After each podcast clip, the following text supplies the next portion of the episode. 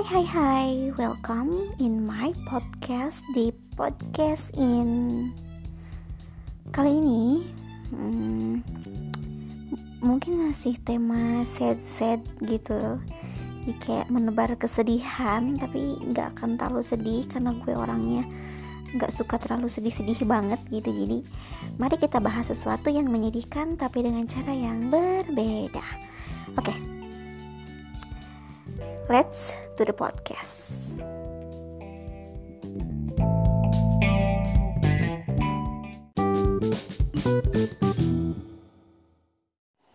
Oke, okay, kali ini gue akan ngebahas sesuatu yang mungkin agak sensitif gitu bagi sebagian orang yaitu persahabatan. E, lu pernah gak sih ada di posisi ngerasa dia itu sahabat lu tapi dia ngerasa lu itu cuman teman biasa sakit gak kalau kayak gitu sakit kan Beberapa di antara kalian mungkin juga mengalami ini. Beberapa di antaranya seperti pengkhianatan sahabat, yang merebut pacar, dan lain sebagainya. Ada yang menjatuhkan harga diri. Eits, yang menjatuhkan harga diri bukan cuma sahabat loh, saudara sendiri pun banyak banget. Curcol. Jadi, uh, apa sih definisi sahabat di mata kalian? Kalau di mata gue, pribadi, definisi sahabat itu ialah seseorang yang akan selalu ada buat lu di saat lu susah dan di saat lu senang. Apa pun kondisi lu, seberapa jauh perbedaan lu, dia tidak akan pernah ninggalin lu sampai kapan pun. Itu baru sahabat, menurut gue ya. Tapi kalau menurut kalian beda silahkan uh, komen definisi persahabatan di mata kalian tuh seperti apa. Karena yang gue alamin tuh ya seperti itu. Dulu gue pernah punya satu sahabat. Hmm, dia tuh tahu baik buruknya gue. Uh, tahu nakalnya gue sampai baiknya gue tuh dia tahu semua. Tapi sayang nggak tahu ya dia nganggap gue sahabat atau enggak tapi ketika dia pindah dari kampung gue ke kampung asalnya dia tuh gue udah nggak pernah kabar-kabarin lagi dan sampai sekarang gue nggak tahu sama sekali kabarnya. Jujur sebenarnya gue kangen banget sih. Dia namanya Yani Mulyani. Uh, buat Yani di sana mungkin uh, yang pernah jadi bagian dari my best friend part of best friendnya gue gitu. Jadi semoga kak uh, lu juga dengerin podcast gue ini. Jujur gue kangen banget sama lo karena ya gue tahu banget kisah hidup lo perjuangan lo uh, gimana cara orang tua lo memperlakukan lo dan lain sebagainya. Skip untuk bagian itu karena cukuplah gue dan dia yang tahu. Jadi Yani ini tuh orang yang uh, dia tuh girly polos dan dia tuh lebih ke apa ya penakut sih gue tuh seneng banget sama dia karena dia tuh rela gitu malam-malam nganterin gue ke mana pun gitu kalau gue lagi galau dia rela banget temenin gue. Bahkan gue nangis dia tetap di samping gue gue ketawa dia sama gue. Dia nangis pun sebaliknya dia diapain sama bapaknya dulu. Gue yang ada di samping dia gitu yang selalu nemenin dia. Dia cerita tentang pacarnya ya gue berusaha jadi pendengar. Gue cerita tentang pacar gue dia juga selalu berusaha jadi pendengar yang baik dan pemberi solusi minimal. Ketika dia tidak bisa memberikan solusi apa yang ada masalah dalam diri gue dia gak akan menghakimi dan menggurui gue. Dia hanya akan bilang gue ada di sini buat lo. Mau seburuk apa pun keadaan lo. Meskipun gue gak bisa ngelakuin apa-apa buat lo tapi gue akan selalu ada di samping lo. Itu dulu pernah banget dia katakan tapi dari segi versi Sunda nisnya banget gitu ya bahasanya. But ya ternyata kan yang namanya hidup kita nggak pernah tahu kan. Ketika dia harus pindah ke daerah asal kita lost contact karena waktu itu masih sangat minim komunikasi kita nggak punya uh, telepon seluler gitu masih yang surat menyurat gitu. Aduh kesannya gue tua banget padahal lu udah ada gadget loh. Ya cuma kita, uh, cuma kita berdua tuh belum punya gadget gitu sama sekali. Jadi dari situ gue lost contact dan dia nikah. Setelah nikah sebelum dia punya anak dia sempet datang lagi ke kampung gue untuk nemuin gue doang.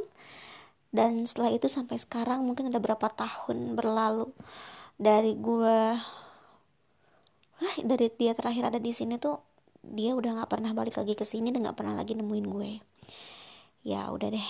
Memang mungkin dia sibuk kali ya. Dan semoga ya nih doa gue buat lo semoga lo sehat di mana pun lo berada uh, sampai bisa ketemu lagi sama gue gitu ah Kalian pernah gak sih punya sahabat yang seperti sahabat yang gue ceritain barusan? Gue juga pernah beranggapan bahwa seseorang itu kayak sohibnya gue banget. Tapi ternyata yang berpikiran seperti itu cuman gue. Dianya enggak.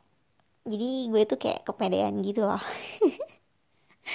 Nah, jangan sampai kalian tuh ngerasain apa yang gue rasain. Kalian tuh pede nganggep dia sahabat, tapi ternyata dia nganggep lo cuman temen sesaat doang. Nemenin dia saat dia lagi gak punya temen gitu. Fix kalau kalian pikir ini bohong, gue yakin kebanyakan dari kalian juga mengalami ini dan kalian juga pasti pernah mengalami ini. Jadi seseorang yang lo anggap sahabat tapi ternyata dia cuma nganggap lo teman biasa aja, temen selingan lah gitu.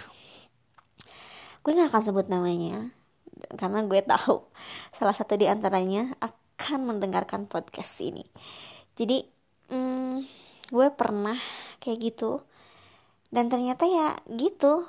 Yang terjadi adalah ketika dia nggak punya temen ketika dia butuh support ketika dia butuh masukan-masukan tentang hidup dia tentang segala sesuatu yang baik buat dia gitu ya dia ada di posisi deket gue gitu. Dia ke mana-mana sama gue. Dia ngapa-ngapain sama gue. Bahkan kita menjudgment diri kita berdua itu sebagai sahabat. Dan ternyata hanya gue aja yang berpikiran seperti itu. Uh, gue sadar itu setelah apa yang terjadi di kemudian hari. Apa yang terjadi? Yang terjadi adalah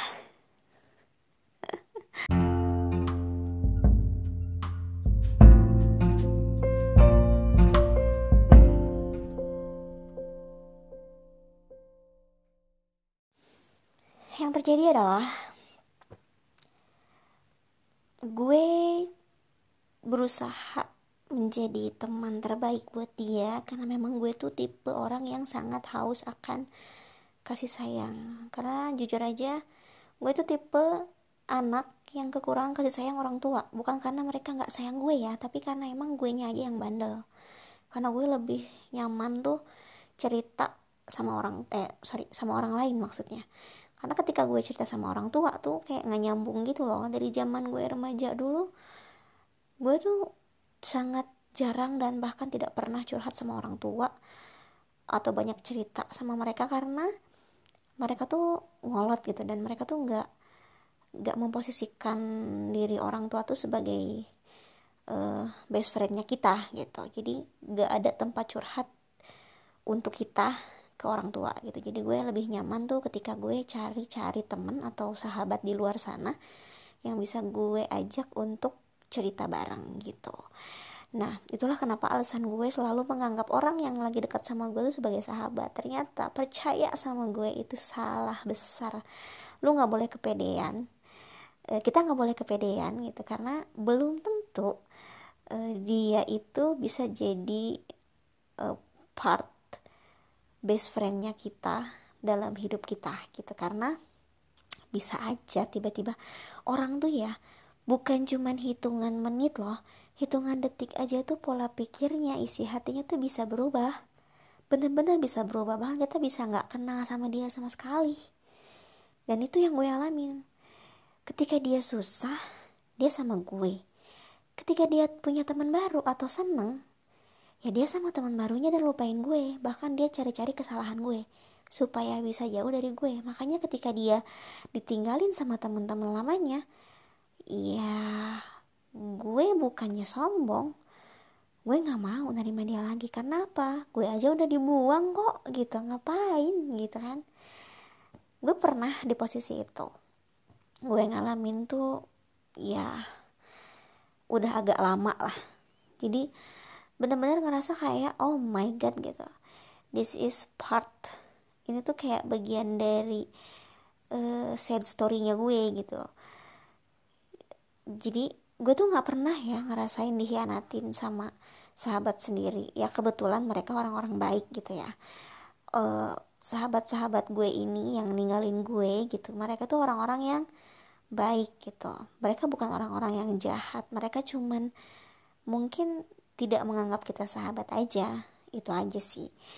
Dan jadi gue nggak pernah ngalamin yang namanya direbut lah pacar gue atau apalah gitu segala macam gue nggak pernah ngalamin itu semua. Alhamdulillah. Jangan sampai beb. Jadi uh, kalau kalian pernah ngalamin tuh uh, seperti yang gue ceritain barusan pasti sakitnya tuh minta ampun. Gue pernah diceritain satu sahabat gue yang katanya dia tuh bukan sahabat sih teman gue gitu.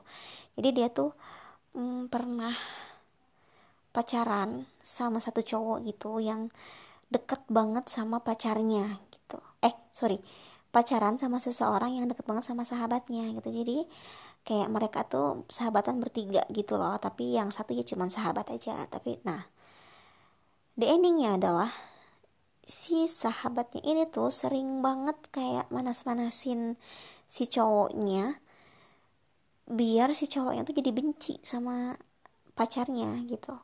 Dan entah apa tujuannya awalnya dia nggak tahu tujuannya apa. Jadi karena mereka bertiga sahabatan dan cewek sama cewek itu biasanya lebih deket kan ya.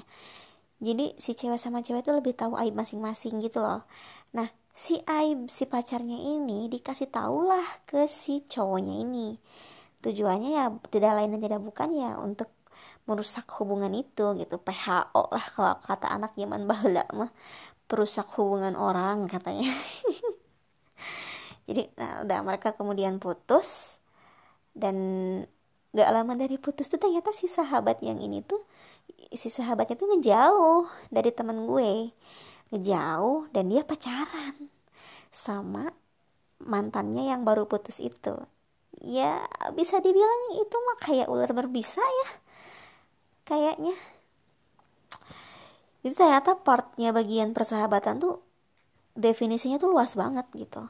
Nggak cuman antara aku dan kamu atau kita gitu ya kalau untuk yang berkelompok bersahabat gitu tapi juga akan ada part-part di mana itu urusannya sama hati, sama pikiran, sama perasaan, ada hubungannya sama relationship gitu yang menurut kita mungkin akan ada perbedaan prinsip. Yang satu pikirnya begini yang lain beda lagi gitu. Nah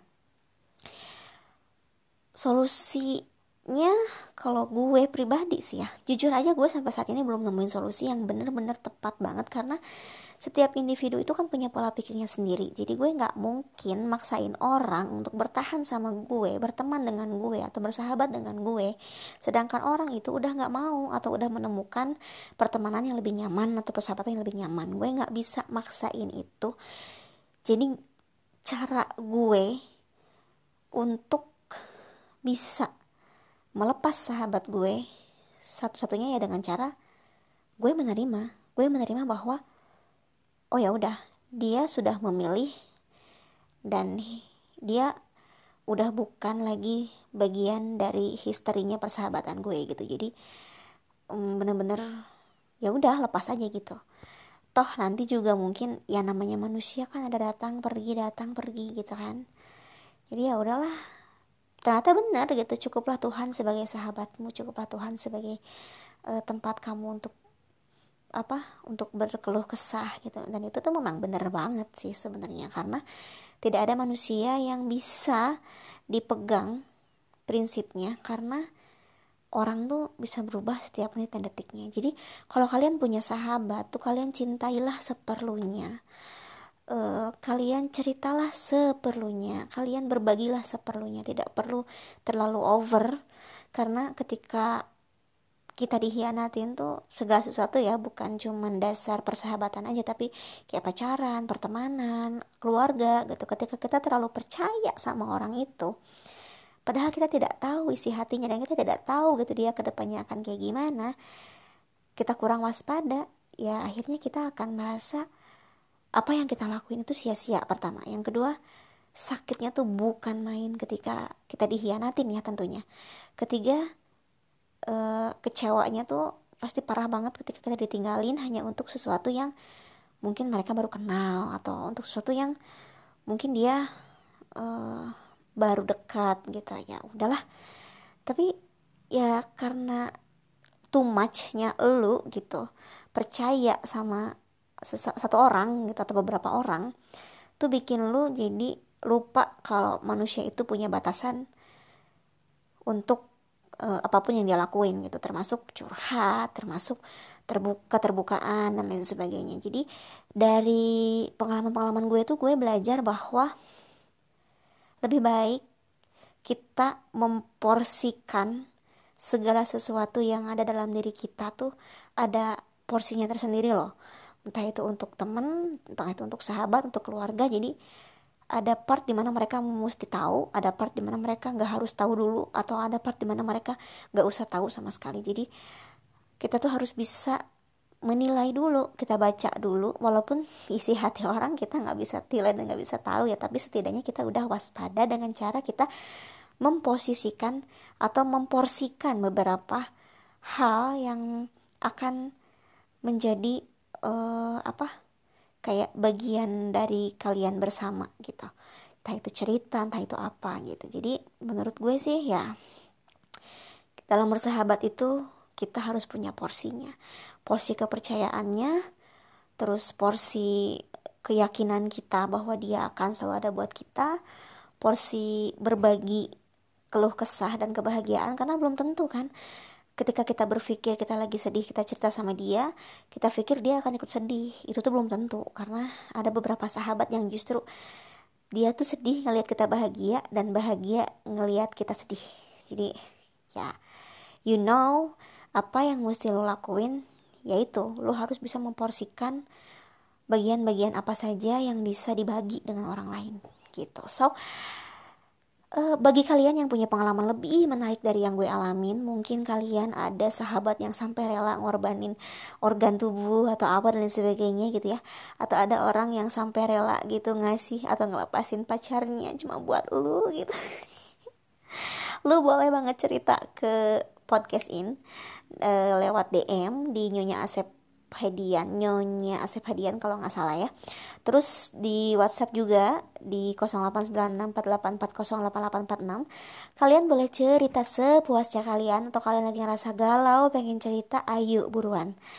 Karena dijamin rahasianya terjamin ya beb ya. Ini hanya untuk pengalaman kita bersama aja. So thank you so much untuk yang udah kurang lebih uh, 15 sampai 20 menit ini dengerin podcastnya gue yang mungkin nggak terlalu menarik gitu nggak semenarik yang lain. Mungkin next day aku akan bikin podcast yang lebih ceria lagi mungkin sesuatu yang menggembirakan atau konyol. Jadi ditunggu aja karena gue juga masih ngide gitu. Semoga gue nemu So, thank you so much untuk yang udah mendengarkan. Stay safe, stay health. Uh, jangan lupa terus minum vitaminnya karena ini masih masa pandemi dan gue harap kalian semua sehat sampai pandemi ini berakhir. Oke, okay? thank you so much. I love you so much. Bye bye. Assalamualaikum warahmatullahi wabarakatuh. Thank you.